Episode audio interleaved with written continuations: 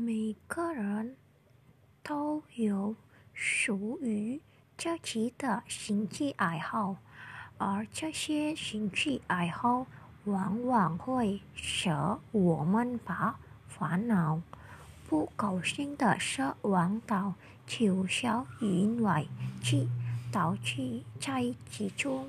如有的人喜欢画画，有的人喜欢跳舞。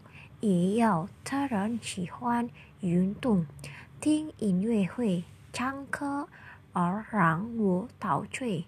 快乐的是大家的好朋友。读书，生活中我们离不开读书。读书是走向成功的关键。只有有这些，才能走向成功。读书会让我们进步，让我们跟得上时代的进步。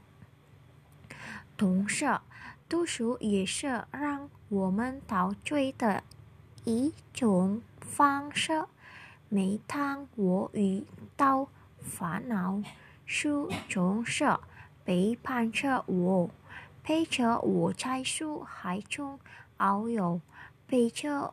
我寻找解决的方法，背着我一起度过烦恼。而在平时，我若偶然接到几本精彩的动画和作文这类的书，我都会迫不及待的到书海里。在童话世界里，我仿佛回到自己的童年。